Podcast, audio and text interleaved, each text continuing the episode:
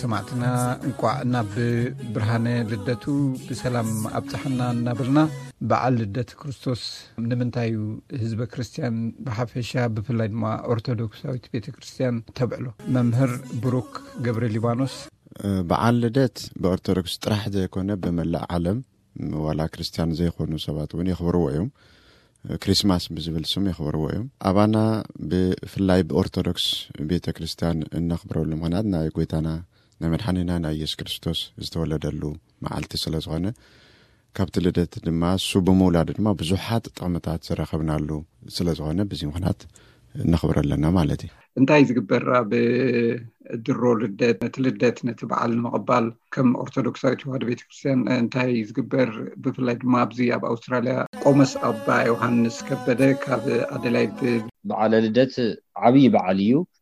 ቤተ ክርስቲያንና ካብቶም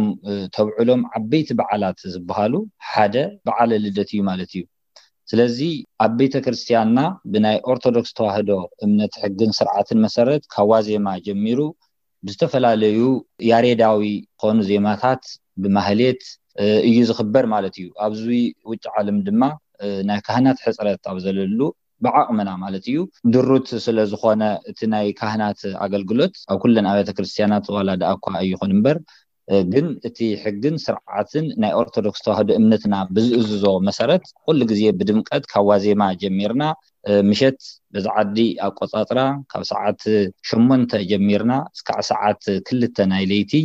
እቲ ዘድሊ መንፈሳዊ ኣገልግሎት ኩሉ ንፍጽም ኢና ማለት እዩ። ያሬዳዊ ዜማታት ሓዊሱ። ቅዳሴ ከምኡ ውን መዝሙር ትምህርተ ወንጌል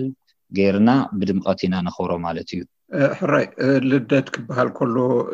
ንብዙሕ ሰባት ብዙሕ ትርጉም ክህልዎ ይኸእል እዩ። ኣብ ምዕራብ ዓለም ከም እንነብር ድማ ምናልባት ናይ ምውህሃብ ውህበት ክመስል ይኸእል እዩ። ልክዕ ምስሉ ከምቲ ማለትሲ ቤተክርስትያን ናብ ኤርትራ ኣብ ኢትዮጵያ ንፈልጦ ካልእ ዓይነት ምስሊ ክህሉ ክእል እሞ ብከመይ ኹም ትገልፅሉ እንታይ እዩ ልደት ኢሉ ንዝሓተኩም ኣብዚ ዝዓቢ መንእሰ ይኹን ሰብ እንታይ መልሲ እዩ ዘለኩም ብዛዕባ ልደት እንታይ ኹም ትነግርዎ ናይ ብሓቂ ትርጉሙ ቆመስ ኣባ ዮሃንስ ብጣዕሚ ፅቡቅ ልደት ማለት እንግዲህ ካብ መሰረቱ ሕፅር ኣቢለ ኣቦና ኣዳም ናይ እግዚኣብሔር ሕጊ ጥሒሱ እፀ በለስ ምስ በልዐ ብሞተ ስጋ ሞተ ነብስ ብርደተ መቃብር ድማ ርደተ ገሃነም ፍርዲ ተፈሪድሉ ካብ ገነት ምስ ወጸ እግዚኣብሔር ዝኣክል ጎይታ ገነት ዝኣክል ቦታ ድማ ሲእነ ኢሉ እናሓዘነ ይነብር ነይሩ ይብል ማለት እዩ ካብኡ እግዚኣብሔር ኣምላክ ድማ ሓዘኑ ርእዩ በሃሙስ እለት ወመንፈቃለ እለት እትወለድ እምወለተ ወለትከ ወእትቤዘወከ በመስቀልየ ወሞትየ ካብ ደቂ ደቅካ ተወሊደ ብሓሙሽተ መዓልትን ፈረቃን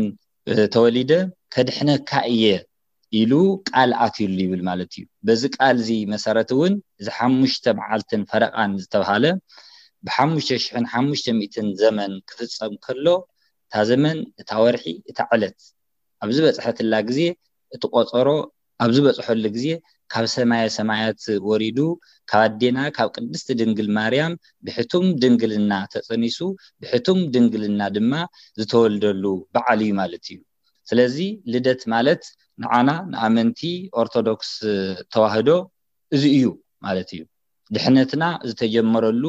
ጽልእና ምስ እግዚኣብሔር ተጻሊእና ስለ ዝነበርና ደቂ ሰባት ድማ ዕርቂ ዝተጀመረሉ ሰላም ዝተሰበኸሉ ምሕረት ዝወረደሉ እግዚኣብሔር ንደቂ ሰባት ደልዩ ኽብሩ ገዲፉ ካብ ሰማይ ናብ ምድሪ ዝወረደሉ እዩ ማለት እዩ እዚ እውን ክነኽብሮ ከለና ነኽብሮ ስጦታ ብምልውዋጥ፣ ውህብቶ ብምልውዋጥ ከይኮነ እቲ ቅዱስ ቃሉ ከም ዝነግረና ንዝተጸገሙ ሰባት ብምሕጋዝ፣ ንዝዓረቁ ብምኽዳን፣ ንዝጠመዩ ብምዕንጋል፣ ንዝሓዘኑ ድማ ብምጽንዕናዕ ብኣጠቃላሊ ንጽጉማት ብምሕጋዝ ኢና ክነውዕሎ ዝግባእ ማለት እዩ። ስለዚ ልደት ንዓና ካብ ጸልማት ናብ ብርሃን ዝወጻእናሉ ስለዝኾነ፣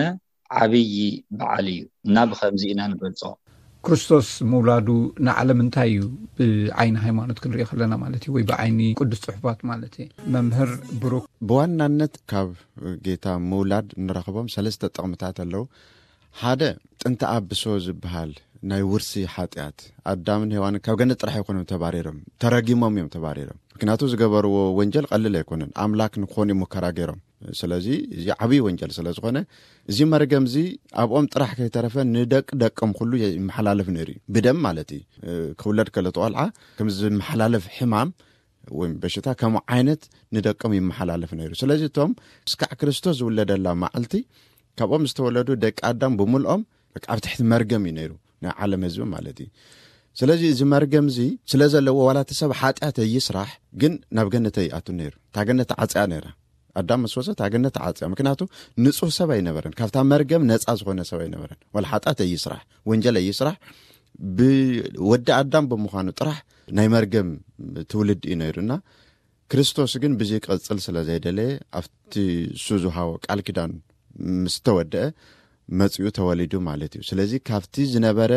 ብደም ኣማካይነት ካብ ወላዲ ንውሉድ ዝሓልፍ ዝነበረ መርገም ብክርስቶስ ንዝኣምን ንሱ ተሪፉሉ እዩ። እዚ ሓደ ዓብዪ ጸጋ እዩ። ንሕና ክርስቶስ ኣመንቲ ኢና፣ ተጠምቕና፣ ስጋሁ ደም እተቐበልና ሰባት እዚ መርገም እዚ የብልናን። ካብዚ ምሉእ ምሉእ ነጻ ኢና። እዚ ብደንቢ ሰብ ክፈልጦ ኣለዎ። ካልኣይ ካብ ኣጋንንት እስራት ማእሰርቲ ነፃ ወፂእና ኢና ብብሉይ ኪዳን ዝነበሩ ሰባት ናይ እግዚኣብሔር ፀጋ ዝረሓቆም ስለ ዝነበሩ ናይ መርግም ሰባት ስለ ዝነበሩ ሰይጣን ከም ድላይ ይፃወተሎም ነይሩ ከም ድላይ ሓጢኣት የስርሖም ከም ድላይ ናቱ ፈቓድ ክፍፅሙ ከም ድላይ ይገብሮም ነይሩ ክርስቶስ ምስ መፀ ግን ብስመይ ኣጋንንት ተውፅኡ ኢኹም ኢሉ ስልጣን ስለ ዝሃበና ኳንዶስ ሰይጣን ኣባና ክሓድር ኣብ ዝሓደርሉ ሰይጣን እኳ ከይድና ክነውፅኦ ስልጣን ተዋሂብና እዩ እዚ ንክርስትያን ፍሉይ ፓወር ዝተውሃቦ ስልጣን እዩ እዚ ብክርስቶስ ዝኣምን ሰብ ብትክክል ምስ ክርስቶስ ዝነብር ሰብ ብትክክል ምስ እግዚኣብሔር ዝነብር ሰብ ግን ሰይጣን ኣይቀርቦን ሰይጣን ዋላ ካልእ ኣስማት መርዝታት ገለ ኩሉ ነገር ኣብ ሰውነቱ ምንም ነገር ኣይሓልፎን እዚ እውን ካብ ጌታ ምውላድ ዝመፀ ዝረከብናዮ ዓብዪ ፀጋ እዩ ሳልሳይ ደረጃ እቲ ዝዓበየ ዘላለማዊ ህይወት ናይ ነብስና ሕቶ ዝተመለሰሉ እዩ። ትኸክለኛ ክርስትያን እንተኾይኑ ናበይ ክኣቱ ናብ ገነት ድየ ክኣቱ ወይስ ናብ ሲኦል ድየ ክኣቱ ኢሉ ክጠራጠር ኣይክእልን። ምክንያቱ ምስ ክርስቶስ ዘሎ ሰብ ምሳይ ስጋይ ዝበልዐ ደመይ ዝሰተየ ኣነ ምስኡ ኣለኹ ንሱን ምሳይ ኣሎ ኢሉ እዩ። ስለዚ ምስ ክርስቶስ እንተኾይንና እንታይ እና ናብ ሲኦል ክንኣቱ ንኽእል? ምናልባት ያው ሓደ ሓደ ግድፈታት ድኽመታት ክህልውና ይኽእሉ ንስኻ ብንስሓ ክነስተኻኽሎ ማለት እዩ። ስለዚ ዘላለማዊ ህይወት ዝረኸብናሉ፣ ካብ ኣጋንንት እስራት ነፃ ዝወፃእናሉ፣ ካብ ጥንቲ ኣብሶ መርገም ነፃ ዝወፃእናሉ በዓል እዩ መዓልቲ እዩ። ምናልባት ምስኡ ዝተኣሳሰር ብፍላይ ብኦርቶዶክሳዊት ቤተ ክርስትያን ዝግበር ነገራት ኣሎ። ነቲ መዓል ቅድሚ ምምፅኡ ፆም ኣሎ። ምናልባት ኣብ ረቡዕ ተውዒሉ ፆም ስለ ዝኸውን ወይ እውን ሓሙስ ተውዒሉ ናብ ረቡዕ ዝሰጋገረሉ እዚ ምናልባት መብርሂ ኣብቲ ናይ ኣፃውማ ምስ በዓል ልደት ዝተኣሳሰር እንታይ ዝመስል ኣብ ኦርቶዶክሳዊት ቤተክርስትያን ወዚ እውን ፍልይ ዝበለ እዩ ምክንያቱ ካልኦት በዓላት ኣብ ፆም ተውዒሎም ናይ ፍስክ ናይ ስጋ መብልዕ ኣይብላዕን ልደት ግን ኣብ ረቡዕ ተውዒሉ እቲ ረቡዕ ኣይጽውም ምክንያቱ ዓብይ በዓል ስለ ዝኾነ ልደትና ጥምቀት ኣብ ረቡዕ ኣብ ዓርቢ እንተውዒሎም ይጠሓስ ጾም ዝበሃል የለን ምክንያቱ ዓበይቲ በዓላት ስለ ዝኾኑ ናይቲ በዓል ብደስታ ክነኽብሮ ስለ ዝግብአና ጾም ማለት እኮ ሓዘን ማለት እዩ ስለዚ እቲ በዓል ብሓዘን ክነኽብሮ ይንኽእል ገሃድ ትበሃል ኣላ ገሃድ ኣላ ናይ ልደትን ናይ ጥምቀትን ልዋጭ ማለት እዩ ገሃድ ማለት ንምሳሌ ረውዕ ተውዒሉ ረቡዕ ስለ ዝብላዕ ናይታ ረቡዕ ፆም ኣብታ ድሮ ዋዜማ ዘላ ሰሉስ ትፅወም ክንዳ ማለት እዩ ኣራይ እሞ ፅቡቅ በዓል ይግበሮ መምህር ብሩክ ምናልባት ናይ መወዳእታ ከተመሓላልፎ ትደልዩ መልእክቲ ተልዩ ንህዝቢ ዕድል ክበኩም እወ ዘመሓላልፎ መልእክቲ ኩልና ክርስትያን ኢና ብክርስቶስ እንኣምን ሰባት ክርስቶስ ዝብሎ እርስ በርስኹም ሓድነት ሓዙ ፍቕሪ ሓዙ እዩ ንዝኣ እንተ ኾይንኹም ናተይ ደቀ መዛምርቲ ኢኹም እዩ ዝብል ስለዚ ናቱ ደቀ መዛምርቲ ኢና ብኡ ኣሚንና ኢና እንብል ኩልና ዋላ ዝተፈላለየ ቋንቋ ይሃለወና ብሓደ ኮይንና ክነኽብር ጎረቤት ምስ ጎረቤት ከምታ ናይ ድሮ ባህልና ዝነበረት ተፀዋውዕና ሻሂ ቡና ንብል እርስ በርስና ክንፋለጥ እርስ በርስና እውን ክንከባበር ክንረዳዳእ ይግበአና ይብል እዚ